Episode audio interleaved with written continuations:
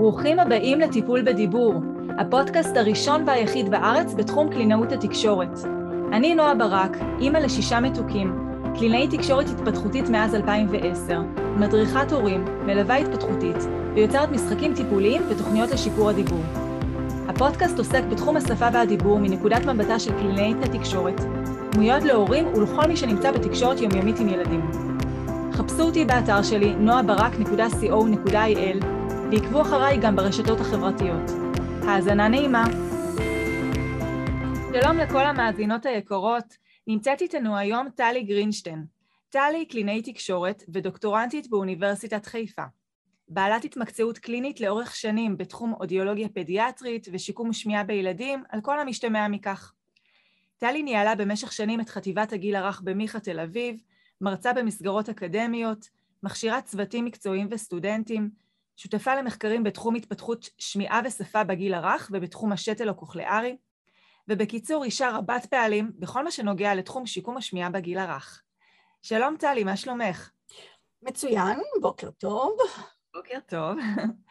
אז אנחנו הולכות לדבר היום על בעיות שמיעה וירידת שמיעה בגיל הרך, ואולי ניכנס קצת גם אה, לתחום שיקום השמיעה. אה, בואי, בואי נסביר רגע למאזינות שלנו מה בעצם הקשר בין שמיעה לדיבור. אה, ראשית, האוזניים שלנו למעשה דלת אה, לקלוט צלילים וקולות, אה, ומערכת השפה היא מערכת צלילית. היא כוללת הרבה מאוד מגוון של תדרים, שזה הגוון של הצליל, גובה הצליל, אם זה בסים או פעמונים, והיא כוללת עוצמות שונות, חוזק שונה, ויש הרבה מאוד מרכיבים בדיבור שהם צליליים, והאוזן היא למעשה הדרך שדרכה נכנס הצליל אל אה, מערכת השמיעה שלנו שכוללת מערכת עצבית עד למוח, לפענוח של המוח. עכשיו בשפה, ברכישת שפה או לצורך הבעת שפה, יש לנו למעשה אה, כמה שלבים, הראשון ביניהם הוא שלב שמכנים אותו קלט, כלומר בו המוח מקבל חשיפה לצלילים ולקולות. אה, האמת היא שאנחנו מתחילים להשתמש אה, בחשיפה הזו, או להיחשף, יותר נכון, יותר מדויק, אה, עוד בעוברות. 12 שבועות האחרונים של העוברות נועדו לשכלל מערכת שהיא כבר מושלמת, אבל רק החשיפה והשימוש ייתנו לה את ההתפתחות ואת ה... יעצימו את כל המסילות העצביות אל המוח ויאפשרו שימוש נכון בחוש הזה שאנחנו נולדים איתו. אחרי זה כמובן עם ההתפתחות יבוא שלב של עיבוד ושלב של פלט, שזה השלב של ההפקה אה, שהוא מתחיל מוקדם מאוד בתור המשחק הקולי שבין הורה או מי שמטפל בילד לתינוק והוא ימשיך מהר מאוד לשימוש בקול לצורך תקשורת וכל נושא השפה שאנחנו לא ניכנס היום להרחבה של הפן הזה אבל בהחלט אה, תינוק אה, למרות שמאמינים שהוא נולד עם, מבנה ביולוגי שמכשיר אותו לרכישת שפה ללא חשיפה נאותה הוא למעשה לא יפתח שפה כמו שאנחנו רוצים. אה, אז למעשה אי אפשר להפריד את השמיעה מהשפה. אה, דבר מאוד מעניין שזו אנקדוטה בהקשר הזה, אה, תינוקות מגיבים טוב יותר למה שנקרא שפה אימהית, שזה הנגנה מיוחדת של הדיבור, הבלטה יותר מוקצנת של הקול שלנו גם בהיבטים של עוצמה, אבל גם בהיבטים של תדר. איזה יופי, בוקר טוב. הצורה שאנחנו פונים לתינוק, אה, ואם אנחנו אה, קצת מסתכלים על מערכת השמיעה, אנחנו יודעים שלמרות שהמערכת מושלמת, היכולת שימוש בה מתפתח. זה דומה לתינוק שנולד עם מערכת שרירית מסוימת, אבל לא יגיע להליכה ביום שהוא נולד. אה, כשזה קשור לשמיעה אנחנו פשוט פחות מודעים לתהליכים האלה שקורים או שאנחנו עוברים בשנת החיים הראשונה שנקראת שנת הלמידה להקשיב ולמעשה היכולת של התינוק ליהנות מהניגודים הגדולים האלה בעוצמה ובתדר מתלבשים בדיוק על ההבשלה של המערכת השמיעתית שלו שלוקח בערך שישה חודשים עד שהוא רוכש מיומנות טובה של הבחנה בשינויי עוצמה קטנים ושינויי תדר קטנים ולכן גם יכול להיות שהדיבור הזה נוח לו מאוד וזה מפרה אחד את השני. ההפקה הקולית, כמובן הילד מקבל משוב על מה שנכנס, על מה שהוא מוציא, הוא לומד מהר מאוד שכשאני בוכה מישהו מגיע אליי ולומד להפעיל את סביבתו, הבכי הוא ההפקה הראשונה, ואט אט הוא לומד שאם ההפקה הנכונה הוא זוכה לאהדת הקהל, והדברים מתפתחים מעצמם. נכון, בעצם מה שציינת שהמערכת השמיעתית עוברת בחודשים הראשונים בשלב התכווננות, אז זה בטח גם בהקשר שהילד לומד להבחין בין צלילים שרלוונטיים, שינויים שרלוונטיים לשפה הספציפית שלו. כי יש שפות שבהן בעצם יש את השינוי אינטונציה שמשפיעים גם על המשמעות, ואז הילד לומד האם זה רלוונטי לתוכן, זה רלוונטי לתוצאה שזה מוביל בסופו של דבר אליה. בהחלט, אנחנו, יש אה, מחקרים אה, שמראים שגם המלמול הראשוני של ילד יכול לכלול יצורים וצלילים והנגנות שלא משפתו, אבל מהר מאוד הוא אה, לומד, ואחר כך סביב עשרה חודשים וקצת יותר, אנחנו רואים התכווננות מאוד גדולה, ויש אומרים אפילו בשישה, אבל אנחנו לוקחים את הטווח, כי בהתפתחות תינוקות הטווח הוא מאוד רחב ויש שונות גדולה מאוד, אבל אנחנו רואים שהמערכת הצלילית שלו מתכווננת על השפה העיקרית שלה הוא נחשף. אה, ורואים את זה גם בילדים אה, שחשופים לכמה שפות שהם למעשה מחליפים את ההנגנה כשמדברים בשפה מסוימת, שאחת תופסת את המקום הראשוני, גם בהיבט דקדוקי, אבל גם בהיבט ההנגנה אה, וגם בחוקיות שלהם. זה מדהים עד כמה המוח שלהם גמיש ויכול לקלוט את הניואנסים האלה כל כך מהר בגילאים הקטנטנים האלה. כן, כן, זו תקופה um, עצומה של למידה, שאם אנחנו נכנסים שוב ומתכווננים למערכת השפתית, הערוץ השמיעתי הוא בוודאי הערוץ שמוביל, כי נעשית כאן למידה אקטיבית, זה כל הזמן שבו אנחנו משחקים עם התינוק ונמצאים ב... אה, קוראים לזה היום אטיונמנט, בהקשבה מלאה, בביחד כזה שלנו, אה, אבל יש הרבה מאוד אה, הקשבה פסיבית שגם היא צורבת את המידע הזה למוח. נכון, זה כמו שאנחנו יודעים שחשיפה, ששפה נרכשת דרך חשיפה, הבנה הבאה. אז הפסיבי זה בעצם ההבנה להבין מה, מה זה הצליל הזה ומה עושים איתו ואיזה משמעות הוא בעצם מקבל אצלי. בהחלט, ולמעשה התינוק עובר משלב של רפלקס, שזה תגובה לצליל חזק עם לידתו, אה, וסביב עשרה או שנים עשר חודשים אנחנו כבר עדים להבנה של החוכמות הראשונות, איפה אור, תעשה ביי ביי, זה הבנת שפה. זו התחלת הבנת השפה.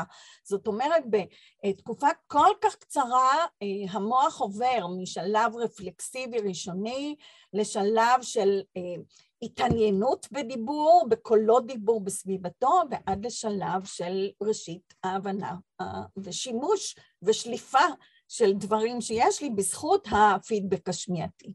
נכון. אז אנחנו באמת אה, מבינות כמה זה קריטי, מערכת השמיעה, בשביל רכישת השפה, ועכשיו זה גם ברור לנו, בשנים האחרונות יש בדיקות שמיעה שנעשות אצל תינוקות כבר בבית, כבר בבית החולים, זה כבר נורמה, בכל בתי החולים בארץ כבר, נכון? כן. זה משהו שהוא סטנדרטי. אה, אנחנו מבינים ומבינות כמה זה בעצם קריטי וחשוב. איך בעצם הבדיקה מתבצעת?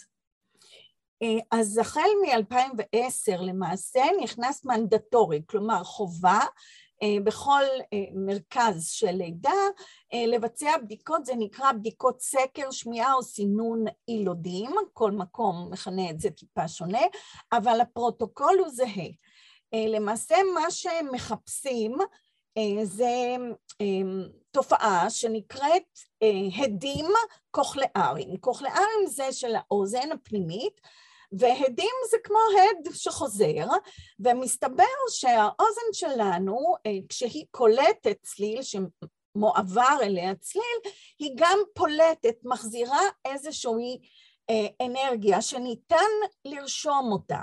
מה שעושים היילוד ב-48 השעות הראשונות לחייו, אמור לעבור את סקר השמיעה, כלומר לעבור זה לבצע, אמור לבצע את סקר השמיעה כאשר מכניסים לאוזן שלו טיפ קטן מאוד שמחובר כמובן למערכת, הטיפ הזה כולל שני מרכיבים, האחד מכניס צליל לא מאיים ולא מאוד בעייתי, לרוב התינוק ישן ואפילו לא חש את זה, וזה רושם את האנרגיה שחוזרת, כלומר נקבל איזשהו רישום שמראה למעשה שתאי השיער, שזה חלק שבו נעשה המעבר מהגל שנכנס פנימה, כל צליל הוא גל למעשה, זה תנועות באוויר, אל האנרגיה החשמלית שמאפיינת כל פעולה עצבית שלנו, ומערכת השמיעה מרגע שזה עובר מהאוזן אל המסילה, למעשה עובדת גם כן על סוג של חשמל, וזה קולט ומעיד שתאי השיער תקינים, אבל יש כמה סוגים של תאי שיער, לא ניכנס כרגע לכל המערך, ולכן הימצאות התגובה הזו מראה על פניו שהמערכת השמיעתית, לפחות ברמה של האוזן הפנימית, עיקר האוזן הפנימית, או חלק מהאוזן הפנימית, תקין. עכשיו, תינוקות, חלקם אנחנו נקבל רישום תקין, ואלה שיעברו את הבדיקה בהצלחה, וחלקם לא יעברו בהצלחה מסיבות שונות שיכולות להיות גם כשתינוק נולד יש כל מיני הפרשות שמכסות אותו, יכולות גם להיות באוזן, יכול להיות נוזלים, יכול להיות הרבה היבטים, אבל בניגוד לפעם שהיינו, תינוק לא היה עובר בהצלחה והיו אומרים, או, oh, זה רק הנוזלים, אנחנו היום כבר יודעים שחייבים לבדוק את הנושא, ופרוטוקול הסינון יחייב בדיקה נוספת, ואם הבדיקה הזאת היא גם תראה שלא, צריך עוד בדיקה שהיא מסוג קצת שונה, רק אם התינוק לא עובר בהצלחה את כל המערך הזה, הוא יופנה לבדיקה אבחנתית שנקראת אובייקטיבית, שמדביקים לו אלקטרודות, משמיעים לו צלילים, גם היא ללא חומרי הרגעה וללא היבטים נוספים, והבדיקה הזאת למעשה אמורה לרשום את המעבר או עלייה או הולכה של הצליל לאורך תחנות המסילה השמיעתית שלנו, היא לא בודקת פענוח, אין אף בדיקה בשלב הזה. אבל היא יותר מעמיקה כי זה לא רק האוזן. Hmm, גם הבדיקה בעצם שהם עושים בבית החולים היא אובייקטיבית. כלומר, הבדיקות האלה... אמ, כן, זה הכל נכלל בבדיקות אובייקטיביות, כי לא צריך שיתוף פעולה של התינוק. נכון. אבל אה, אנחנו מדברים גם בדיקת הרישום של פוטנציאל, של ריש, אה, אה, הולכה בגזע המוח, בדיקה שהיא כבר אבחנתית, גם בבדיקה הזו הפענוח הוא סובייקטיבי, אבל עושים את זה אנשים מיומנים מאוד בתחום הספציפי הזה, אם זה בדיקות סקר, יש אנשים שמוכשרים, קלינאי תקשורת שיוכשרו לזה, ויש בבדיקות הברע בוודאי. בטח בתינוקות וילדים. אז זה בעצם בדיקה שהיא לא מסוכנת והיא לא מכאיבה ואין בה, יש בה רק פוטנציאל של תועלת והיא מומלצת כמובן חד משמעית אה, לעשות לכל תינוק כשהוא נולד וזה מתבצע באופן טבעי בבית החולים, לא צריך להתאמץ בשביל זה, פשוט אה, האחיות דואגות שהתינוק יגיע לחדר הבדיקה ושם הקלינאיות יבצעו את הבדיקה. בהחלט. ילדים שלא עברו בהצלחה יגיעו כמובן בתיאום אה, לבדיקות נוספות במידה ויש צורך. אה, מעל אה, גיל חצי שנה, לרוב, זה תלוי בכל בית חולים, הבדיקה האובייקטיבית יותר, האבחנתית, הבדיקה המורכבת, היותר רחבה, תעשה תחת, זה נקרא סדציה, זה לא הרדמה, זה טשטוש, השפעתו מאוד מאוד קצרה, אבל זה חייב להתבצע בבתי החולים. יש תינוקות שנולדים שהם עם גורמי סיכון גדולים, גדולים יותר לפתח בדיקת בעיית שמיעה, ואז גם אם הם עוברים את הבדיקה הראשונית בבית החולים, הם עדיין אוטומטית ממשיכים למעקב שמיעתי? בהחלט. יש רשימה של מצבים שהופכים את התינוק, זה נקרא high risk, בסיכון גבוה יותר. זה לא אומר שתהיה לו לקות שמיעה, אבל הוא נמצא בשכיחות יותר גבוהה אה, לסיכון ללקות שמיעה. אה, וזה יכול להיות אה, קבלת חמצן לאורך מספר ימים, רמות שונות של בצהבת שמחייבת החלפת דם, יש רשימה של משרד הבריאות, לקות שמיעה ידועה במשפחה, אה, בקרבה אה, אה, קרובה, משפחתית קרובה, וכן הלאה, פגות במשקל נמוך, כל הילדים האלה מלכתחילה המתווה שלהם יהיה שונה באבחון שמיעה ולא יסתפקו רק בסינון, בבדיקות הסינון. אוקיי, okay, עכשיו אם נמצא באמת בבדיקות שיש לתינוק ירידת שמיעה, מה, מה עושים הלאה? אמ, נמצא שהתינוק אה, לא עבר בהצלחה או יש חשד ללקות שמיעה אה, ואז הדבר הראשון הוא כמובן אה, לערב גם רופא אף אוזן גרון בתוך המכלול הזה לצורך, אם צריך, ברור יותר עמוק.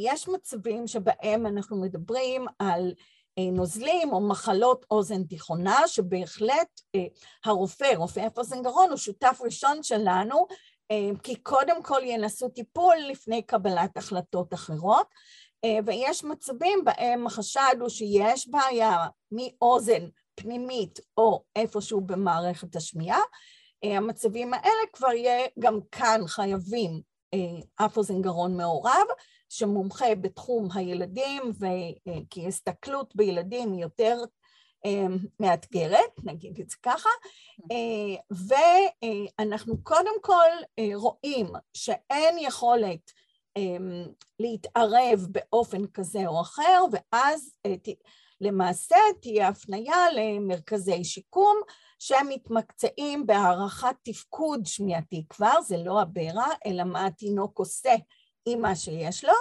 אה, ולמעשה אה, ייכנס השיקול של שיקום שמיעה, כשבשיקום שמיעה זו מילה יפה, אה, שמכנים הרבה מאוד היבטים בתוך התחום הזה, אבל בהקשר שלנו עכשיו זה צורך או אי צורך בהגברה, שזה לרוב מכשיר שמיעה או כל עזר אחר שמיעתי, והתאמת, סליחה, יש לי כלבה, והתאמת ההגברה לילד. כן, אוקיי. Okay. אה, בואי נדבר רגע על ההבדל בין בדיקת שמיעה שנעשית אצל ילדים לבדיקת שמיעה שנעשית אצל מבוגרים, לא, לא, לא תינוקות, אלא ממש ילדים כבר פעוטות, גיל שנתיים, שלוש. כן. אה, שנתיים, שלוש זה עדיין במסגרת הילדים אצלי, אבל... כן, פעוטות, פעוטות אני מתכוונת. פעוטות, בדיוק. קודם כל, ילדים גדולים יותר, כמובן רמה התפתחותית תקינה אחרת, טיפוסית או אופיינית, אמ, יכולים אה, אט אט להתקרב לבדיקת השמיעה כמו ההתנהגותית. זה נקרא כמו מבוגרים שברגע שהם שומעים צליל, הם אה, עושים איזה פעולה מותנית, שזה יכול להיות הרמת יד או לחיצה על כפתור, ואז אה, למעשה אנחנו מקבלים את התגובות של הנבדק להשמעה של צלילים, שנקראים צלילים טהורים, זה טווח של צלילים שאנחנו משמיעים להם, ויכולים להצליב בין תדר מסוים, זה גוון צליל מסוים לעוצמה מסוימת, ולקבל רישום שנקרא אודיוגרמה, ולקבל תמונה שמיעתית מדויקת. אצל התינוקות ואצל הילדים סביב גיל שנתיים-שלוש, היכולת הזו של ההתניה הזאתי אה, מתחילה להתפתח סביב שנתיים וחצי שלוש, כלומר אה, אפשר להשיג איתם אט-אט בדיקת שמיעה, שתוצאותיה בהחלט אה, אמינות, אה, אבל הדרך היא משחקית. אנחנו ניקח אמ, אה, קובייה שנזרוק לתוך דלי כל פעם שנשמע, או כל אמצעי כזה שאנחנו עושים כמשחק, הוא לא צריך ללחוץ על כפתור, אלא תוך כדי המשחק אנחנו מלמדים אותו, והוא לומד מהר מאוד, שכל פעם שהוא שומע הוא עושה, יש כמובן את החלק של בדיקות הדיבור שצריך להתאים לילד עצמו אה, ולשלב השפתי שהוא נמצא בו, אם הוא מסוגל לחזור על מילים זה קל יחסית, אם הוא צריך את התמונות או בגיל יותר צעיר חפצים, אה, אם צריך אז זה יהיה הצבעה על אברי גוף, יש לנו אה, דרגות שונות. האתגר היותר גדול הוא בתינוקות, בעיקר בשנת החיים הראשונה, כאשר לפני סביב גיל שישה חודשים תינוק עדיין לא מסוגל אה, לחפש צליל במרחב האופקי שלנו, אה, כאשר משמיעים לו משני רמקולים הוא לא יחפש, ולכן אה, מניחים שסביב גיל היכולת המרחבית הזו שמתפתחת, גם יכולתו להגיב וגם מתפתח היכולת הבחנה בין עוצמה ובין תדרים, היכולת שלו לשתף פעולה או לסמוך על התגובה שהיא מאפיינת סף שמיעה, שגם לצלילים חלשים הוא יגיב, היא הרבה יותר גדולה.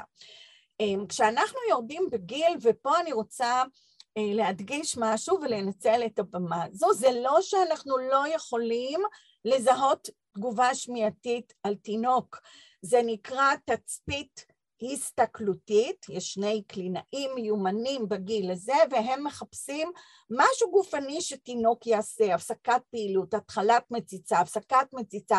תינוק עושה המון תנועות גופניות כתגובה שמעידות על זה שעבר צליל, מוחו שמע אותו אה, ונתן לגוף הנחיה עצור.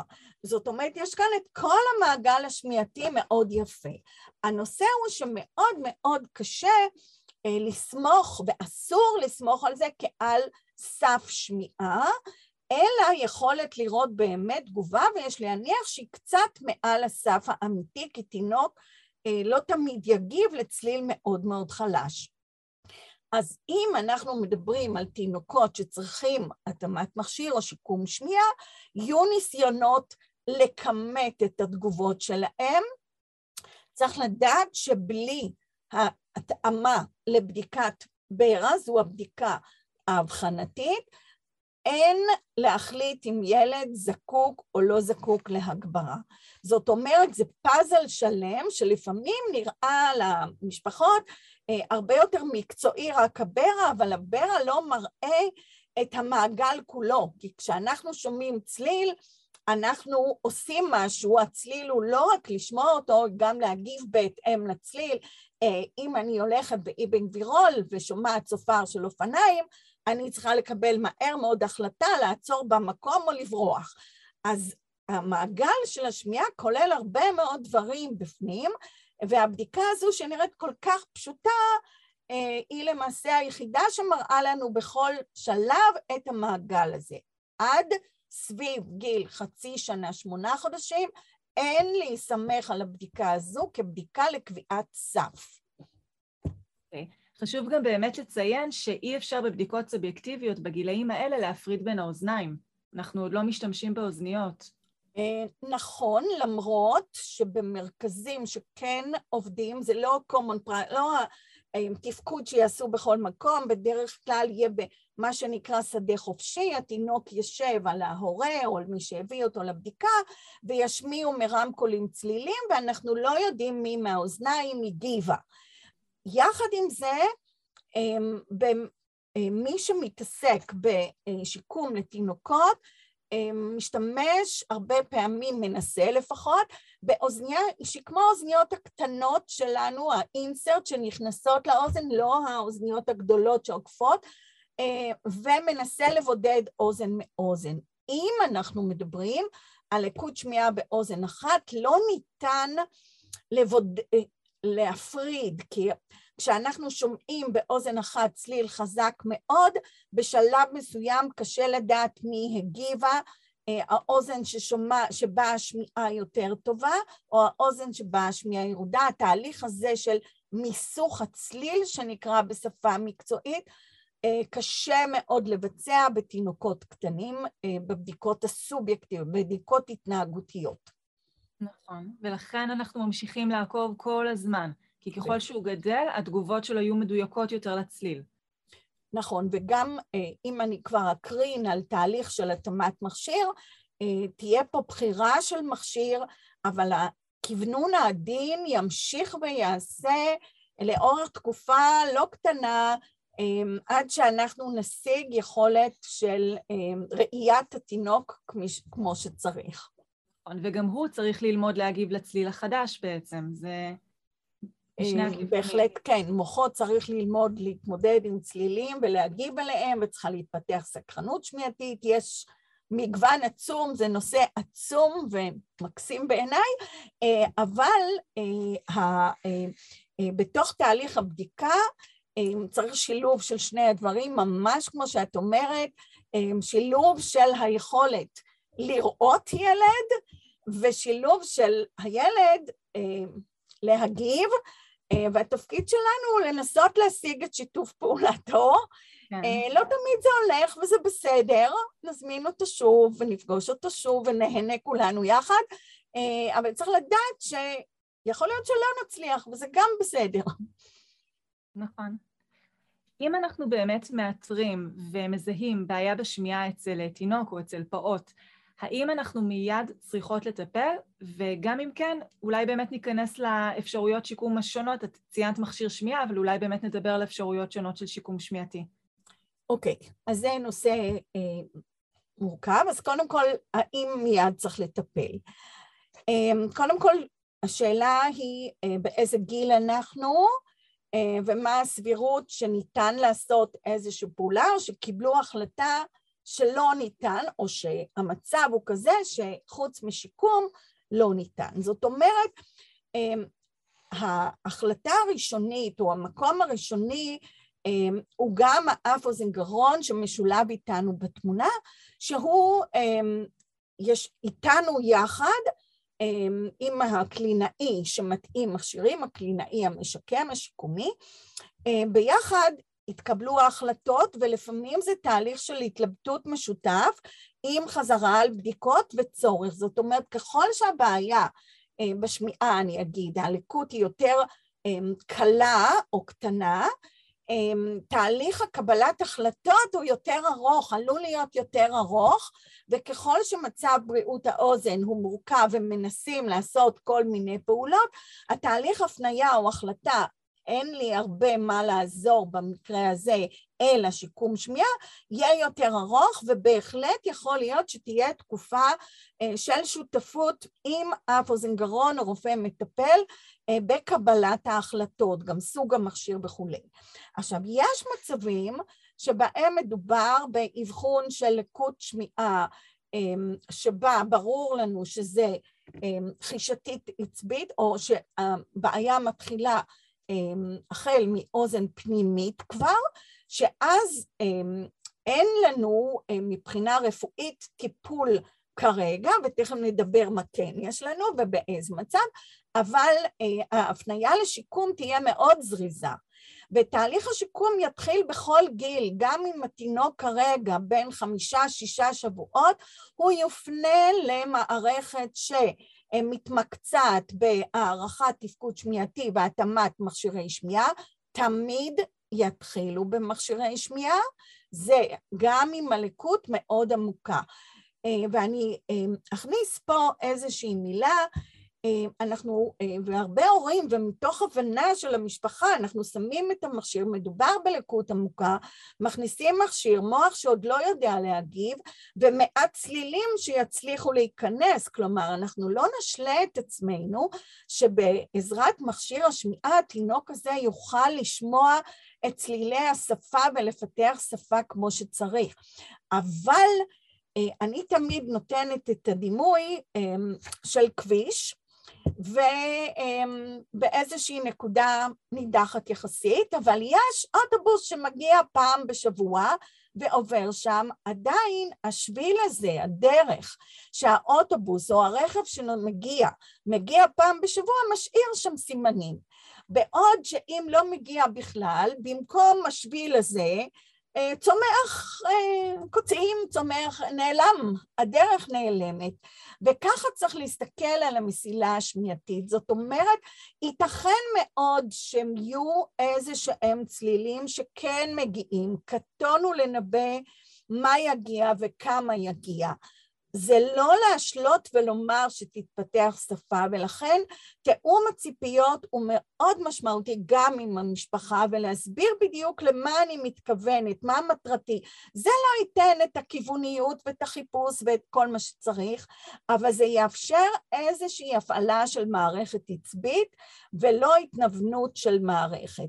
אז בכל מצב יתחילו במכשיר שמיעה, כמובן שיהיו מצבים בהם לא יתחילו עם מכשיר שמיעה, למשל בעקבות דלקת קרום המוח, השמיעה הידרדרה כי חוששים מתהליכים שיקרו במערכת השמיעתית, וככל שגיל הילד יותר גדול, יחסית מתקרב לשמונה חודשים, שנה, לא אה, יגידו קודם תתנסה במכשירי שמיעה ורק אחר כך, אלא מהשלב הראשוני תהליכים של הערכה. אמ, בעין, מה יקרה או מה הזר הטוב ביותר שיוכל לתת נגישות מרבית לצלילים, אה, התרחשו במקביל. זאת אומרת, הגיל לשחק תפקיד אה, באופן שבו התהליכים התבצעו.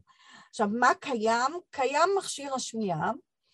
אמ, מכשיר השמיעה, אה, מה שהוא יודע לעשות, בצורה מאוד אמ, קצרה, זה לאסוף צליל, להגביר אותו ולהפוך אותו שוב לאות צלילי, אקוסטי, ולהעביר אותו מחדש באוזן שלנו, במסלול הרגיל של השמיעה, אוזן חיצונה, אור התוף, אוזן תיכונה, אוזן פנימית ולעצב, כלומר בכל מקרה הוא מתלבש על מערכת שמיעתית קיימת. תהליך נוסף שקיים היום ולאורך כבר הרבה מאוד שנים, אבל אה, היום אה, ירד הגיל התחתון אה, וסביב שבעה שמונה חודשים מדובר בלקות שמיעה שברור שזה המצב.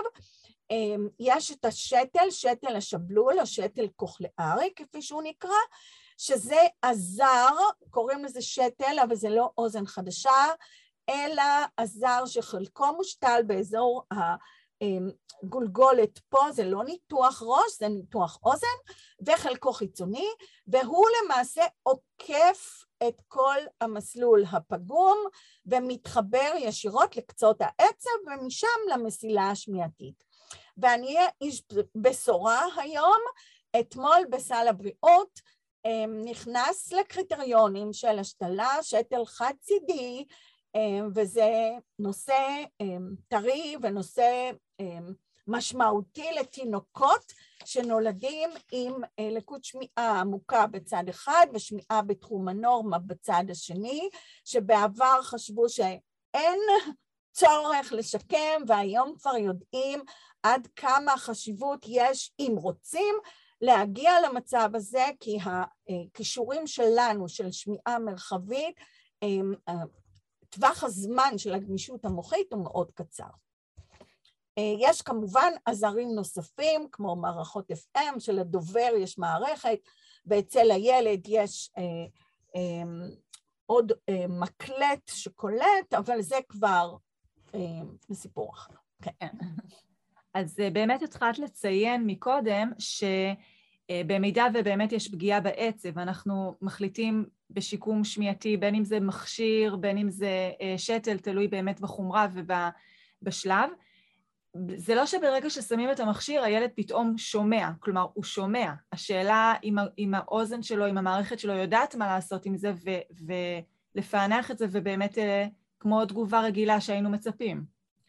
כל כך חשוב הנקודה הזו, שאני ממש שמחה שאת מעלה אותה, כי הזר השמיעתי, לא חשוב מהו, הוא למעשה, ואמרו את זה כבר לפניי, רק דלת רחבה יותר להכנסת הצלילים.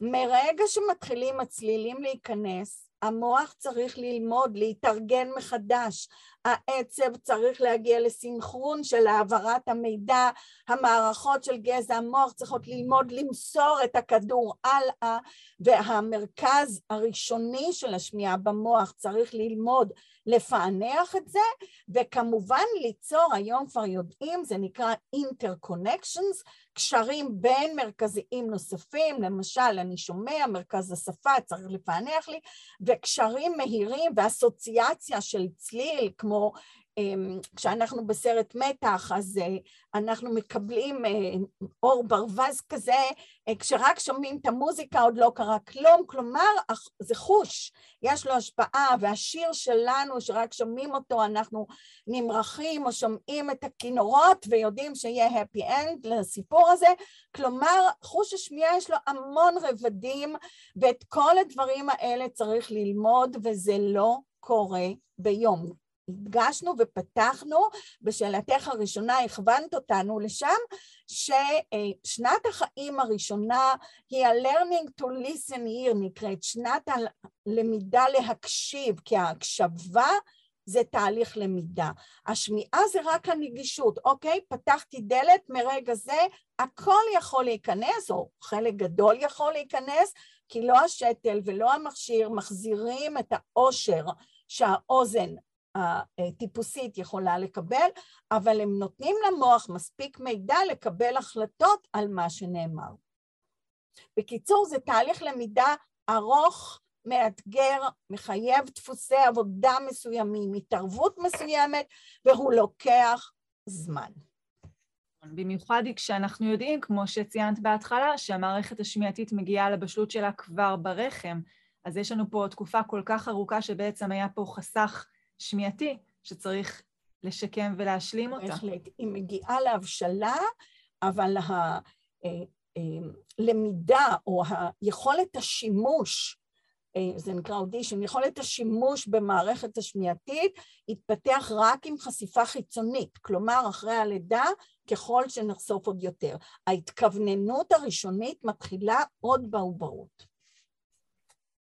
יש שאלה שהרבה הורים מתעסקים איתה. כשאנחנו מדברים על ירידת שמיעה בעקבות נוזלים באוזניים, ואנחנו יודעים שזה מאוד נפוץ בגיל הרך, ואולי גם תסבירי לנו למה בעצם זה נפוץ ככה, מה הורים יכולים לעשות? הורים הרבה פעמים שואלים, יש בעיה בשפה בעקבות הבעיה בשמיעה, האם לטפל כרגע, או שגם ככה הוא לא שומע אז אין צורך, והרופא אמר שכרגע לא לנתח אולי, אז מה עושים בטווח ביניים הזה? אוקיי, okay. העשייה מול מצבים, זה נקרא מצב הולכתי, כי למעשה האוזן הפנימית תקינה ויש אה, נוזלים או אה, הפרעה באוזן התיכונה האמצעית, ואז אה, היכולת העברה של הצליל שנכנס פנימה היא נפגעת בצורה כזו או אחרת. עכשיו, המצב הזה של אה, בעיה הולכתית הוא נפוץ מאוד בגיל הרך, בערך עד גיל שש, חמש, שש.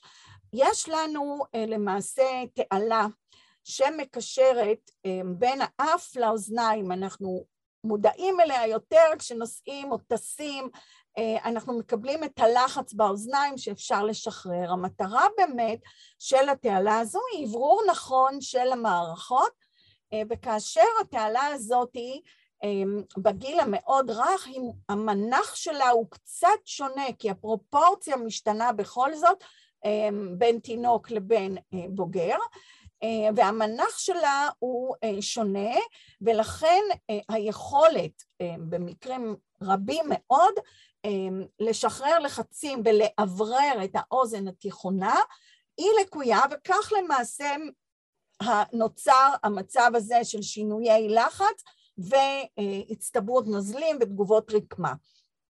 זה לא הנזלת שלנו שנכנסת פנימה. כשהנזלת, כשיש לנו נזלת, האף חסום, שוב התעלה אינה משחררת.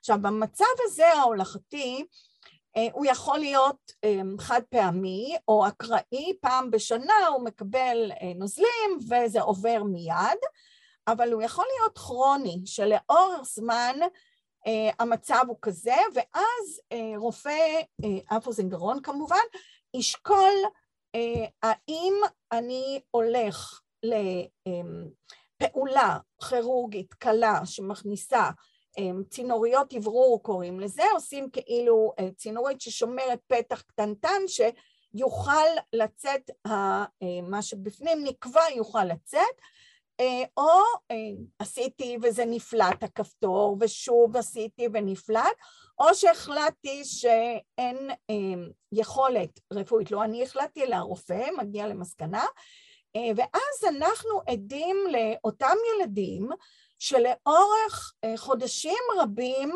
מסתובבים עם לקות שמיעה. לקות שמיעה יכולה להיות קלה, יכולה להיות בינונית, ולמעשה הם נמצאים בחסך. וכמו שאת אמרת בפתיחה של הנושא הזה, אנחנו רואים ועדים להשפעה על התפתחות שפה. אמרנו, לא שומעים כמו שצריך, אנחנו לא מפתחים, ואנחנו מדברים על ילדים שהם כבר מתהלכים והם מתרחקים, זה לא אותו תינוק שאני אחזיק עליי על הידיים ואוקיי, יש לקות קלה, הקרבה תפצה באיזשהו אופן. כל מטר שהילד מתרחק מאיתנו מפחית בשישה דציבל, אז תחשבו, התינוקות רצים, קשה מאוד, זה שיכרון חושים של ה... יכולת שלהם להשתלט על העולם ולהגיע למקומות, בדיוק באותה תקופה, והליקוט השמיעה, מה שגורם להם להקשבה לא איכותית, אנחנו קוראים לזה התעלמות, אבל זה לא תמיד התעלמות, יש חלקים של המשפט שהם לא מבינים, הבנת שפה נפגעת וגם החשיפה נפגעת. היום מקובל שבמצבים כאלה שיש לקות לאורך זמן, כרונית, של חצי שנה, שמונה חודשים, שרופא יחד עם משפחה החליטו שאין לזה פתרון אחר, יקבלו מכשירי שמיעה. הם מקבלים היום מכשירי שמיעה כאשר ההורים האלה יש להם את היכולת להבין שייתכן ובהמשך הדרך הילד שלהם לא יזדקק, אבל כרגע לא יפסיד מהאינפוט ויוכל להתפתח כמו שצריך עד קבלת החלטות או יכולת של פתרונות במקרים האלה. איזה מכשיר תלוי מאוד במצב, כי אם יש הרבה הפרשות מהאוזניים, יעדיפו מכשיר שהוא כמו קופסית קטנה על איזשהו סרט, ולא מכשיר שאוטם את האוזן, ולכן כאן השותפות עם אף אוזן גרון מטפל היא מאוד מאוד משמעותית, אבל אין היום ספק, וככל שהצטבר יותר ויותר מידע מחקר המוח, שלחסך שמיעתי לא חשוב מה הסיבה שלו, ולא חשוב שהרזרבה של האוזן הפנימית תקינה, אם היא לא תקבל את המידע, המערכת העצבית לא תקבל גריעה מספקת, ויש היום הרבה ילדים שיקבלו מכשיר שמיעה על מנת קודם כל שלא יהיה חסך. היום אנחנו יודעים שגם בלקות קלה עלול להיווצר חסך מוחי באזור מרכז השמע, על רקע זה שלא מגיע מידע כמו שצריך. כן, ובאמת, בין אם אנחנו מתאים, מחליטים שזה זמן מתאים לצרף מכשיר שמיעה ובין אם לא, בכל מקרה זה בוודאי ברור לנו שמבחינת הנגשת השפה והתמיכה השפתית, חד משמעית הם צריכים לקבל. לפעמים הורים מתלבטים, אולי לא נתחיל טיפול או לא נתחיל לעזור לילד שפתית כי הוא גם ככה לא שומע, אז זה בדיוק הפוך. נכון. פה אנחנו צריכים עוד יותר להתערב. ממש. בהחלט. כן. טלי, היית רוצה לשתף אותנו באיזה מקרה מעניין מהקליניקה, של איזה שיקום שמיעתי מעניין במיוחד? יש לי המון מקרים. כן, אני בטוחה. ועבורי, והלוואי שכל קלינאית, לא חשוב מה הניסיון והוותק שלה, כל מקרה יהיה המקרה המעניין והמיוחד. נכון.